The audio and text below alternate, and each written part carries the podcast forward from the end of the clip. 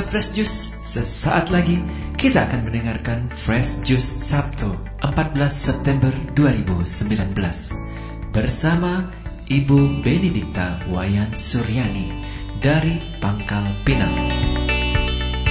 Semoga Fresh Juice yang kita dengarkan semakin menyejukkan dan menyegarkan jiwa kita. Selamat mendengarkan.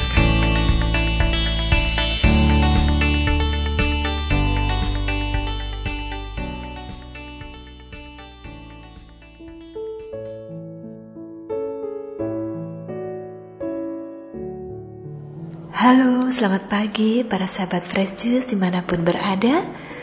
Saya sangat bersyukur boleh menyapa kembali para sahabat sekalian. Hari ini Sabtu 14 September 2019.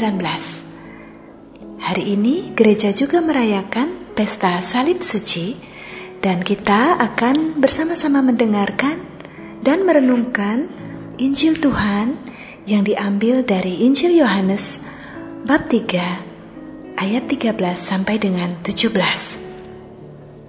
Mari kita dengarkan bersama-sama. Inilah Injil Yesus Kristus menurut Yohanes. Dimuliakanlah Tuhan.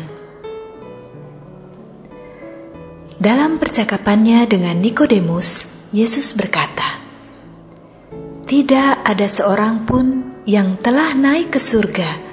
Selain Dia yang telah turun dari surga, yaitu Anak Manusia,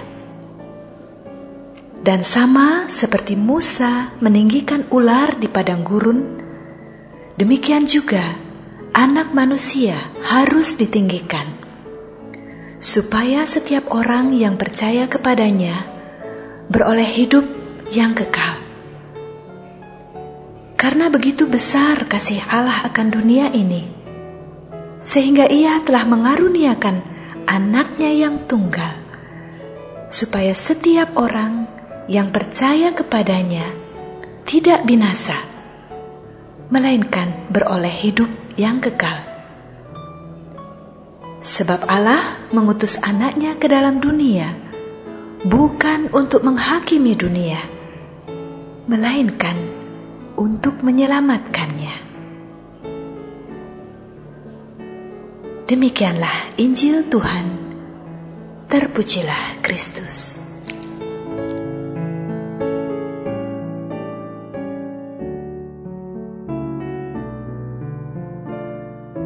Para sahabat Fresh Juice yang dikasihi Tuhan, apa kabar?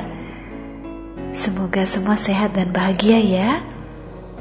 Dari bumi serumpun sebalai Bangka Belitung ke Uskupan Pangkal Pinang, Izinkan saya menghaturkan renungan di hari yang istimewa ini, karena kita turut bergembira bersama gereja, tidak hanya untuk memperingati ditemukannya salib sejati Yesus Kristus oleh Santa Helena pada tahun 326, tetapi kita juga patut bergembira dan bersyukur merayakan iman kita.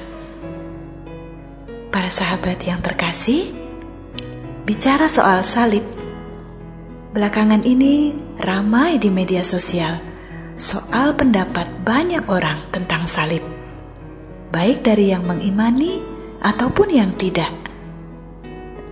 Ada yang hatinya tergetar, ada yang sinis, ada yang membela, ada yang kemudian berkobar-kobar menyuarakan isi hatinya. Bahkan tidak sedikit yang jadi baper lalu menulis di status medsosnya untuk menambah riuh jagat dunia maya. Salib menjadi begitu populer dan kemudian dibahas, bahkan oleh orang-orang yang mungkin dulunya tidak pernah bicara tentang salib. Sungguh, ternyata tidak semua orang diberi rahmat untuk bisa mengerti tentang misteri salib, ya Para sahabat yang terkasih, saya ingat akan perjumpaan pertama saya dengan salib. Waktu itu saya masih remaja, kelas 3 SMP di Bali, masih beragama Hindu karena saya anak tunggal dan ikut sembahyang bersama bapak. Waktu itu ibu saya yang beragama Katolik minta ditemani pergi ke gereja untuk misa hari Natal setelah mendapat izin dari Bapak. Saya pun dibelikan baju dan sepatu baru. Dan saat tiba di gereja, saya begitu gugup karena ada begitu banyak orang, tetapi suasananya begitu hening.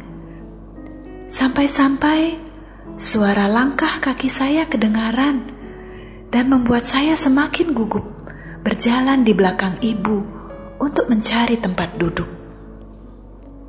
Saya bingung, tapi ada satu hal yang menyita perhatian dan membuat saya takjub, tapi sekaligus menenangkan hati. Tepat di depan sana, ada patung salib besar dari kayu, penuh dikelilingi ukiran Bali yang indah, dan di salib itu terdapat patung seorang laki-laki dengan kepala terkulai. Patung itu begitu hidup, seolah-olah nyata, yang membuat saya bertanya-tanya, kenapa laki-laki itu bisa ada di situ ya? Pertanyaan kenapa yang jawabannya membuat saya kemudian memperoleh rahmat pembaptisan. Diperbolehkan menjadi salah satu pengikut dia yang wafat di salib itu. Itulah awal iman saya. Para sahabat yang terkasih, bagi kita orang-orang yang percaya, Salib sungguh-sungguh adalah bagian yang tidak bisa dipisahkan dalam hidup kita setiap hari. Membuat tanda salib, memakai perhiasan atau atribut berbentuk salib, memasang salib di ruangan, di meja kerja, di kendaraan, di mana pun kita menghabiskan hari-hari. Kita berusaha untuk selalu menjadi saksi iman Salib adalah tanda keselamatan. Salib adalah tanda kasih Tuhan yang tak terbatas, dan salib adalah jalan hidup kita. Salib juga amanah, perintah yang harus kita pikul dan jalani dalam peziarahan kita selama hidup di dunia ini. Saya pernah begitu sakit menanggung luka batin karena orang-orang di sekeliling saya. Orang tua saya yang tidak hanya saat perpisahan mereka menorehkan luka dan menjadi salib yang harus saya pikul seumur hidup, tetapi juga saat mereka sudah lansia sekarang dan sering menimbulkan masalah di rumah hanya satu yang saya mohonkan kepada Tuhan, yaitu belas kasihan dan pengampunan. Tidak hanya bagi kedua orang tua saya, tetapi juga bagi saya, anak mereka yang sangat mungkin juga sudah berbuat banyak kesalahan dan menjadi salib yang berat juga bagi mereka. Saya lalu diberi rahmat untuk melihat bahwa keberadaan kedua orang tua saya yang boleh berumur panjang sejatinya adalah salib yang ringan, salib yang kecil, dan salib yang manis yang seharusnya saya syukuri apa pun keadaannya. Dan kini tidak ada hal lain yang saya inginkan selain kesehatan dan kebahagiaan Bapak Ibu saya di tempat tinggal mereka masing-masing. Para sahabat yang sangat dikasihi Tuhan, hari ini kita diajak untuk merenungkan kembali makna salib bagi hidup kita masing-masing. Dan bersama dengan adanya kelemahan, keterbatasan, dan kerapuhan kita, tentu kita juga menjadi salib bagi orang-orang terdekat kita. menjadi salib yang seperti apakah kita bagi mereka? Salib yang berat atau salib yang ringan? Salib yang melemahkan atau salib yang meneguhkan? Salib yang memadamkan semangat atau salib yang menghidupkan?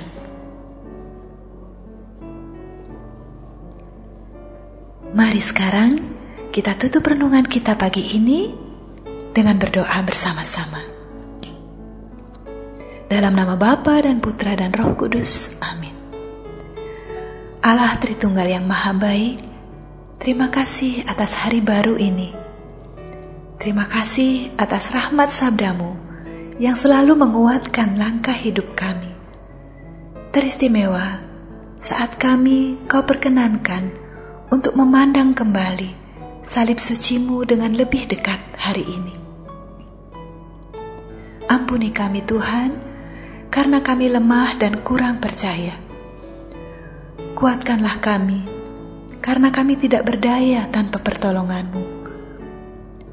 Buatlah kami selalu ingat akan kesetiaanmu sampai wafat di kayu salib saat kami tergoda untuk tidak setia atau lupa betapa engkau sungguh mengasihi dan mencintai kami umatmu. Buatlah mata kami senantiasa kembali tertuju pada salibmu yang perkasa, saat persoalan-persoalan hidup membelenggu hati dan jiwa kami. Bentuklah kami agar kami mampu mempersatukan hidup kami ke dalam kurbanmu di salib, agar hidup kami yang lemah ini boleh berkenan di hadapanmu. Namamu kami puji, kini dan sepanjang segala masa. Amin. Dalam nama Bapa dan Putra dan Roh Kudus. Amin. Sahabat Fresh Juice, kita baru saja mendengarkan Fresh Juice Sabtu, 14 September 2019. Segenap tim Fresh Juice mengucapkan terima kasih kepada Ibu Benedikta Wayan Suryani untuk renungannya pada hari ini. Sampai berjumpa kembali dalam Fresh Juice edisi selanjutnya. Tetaplah mengucap syukur dan salam Fresh Juice.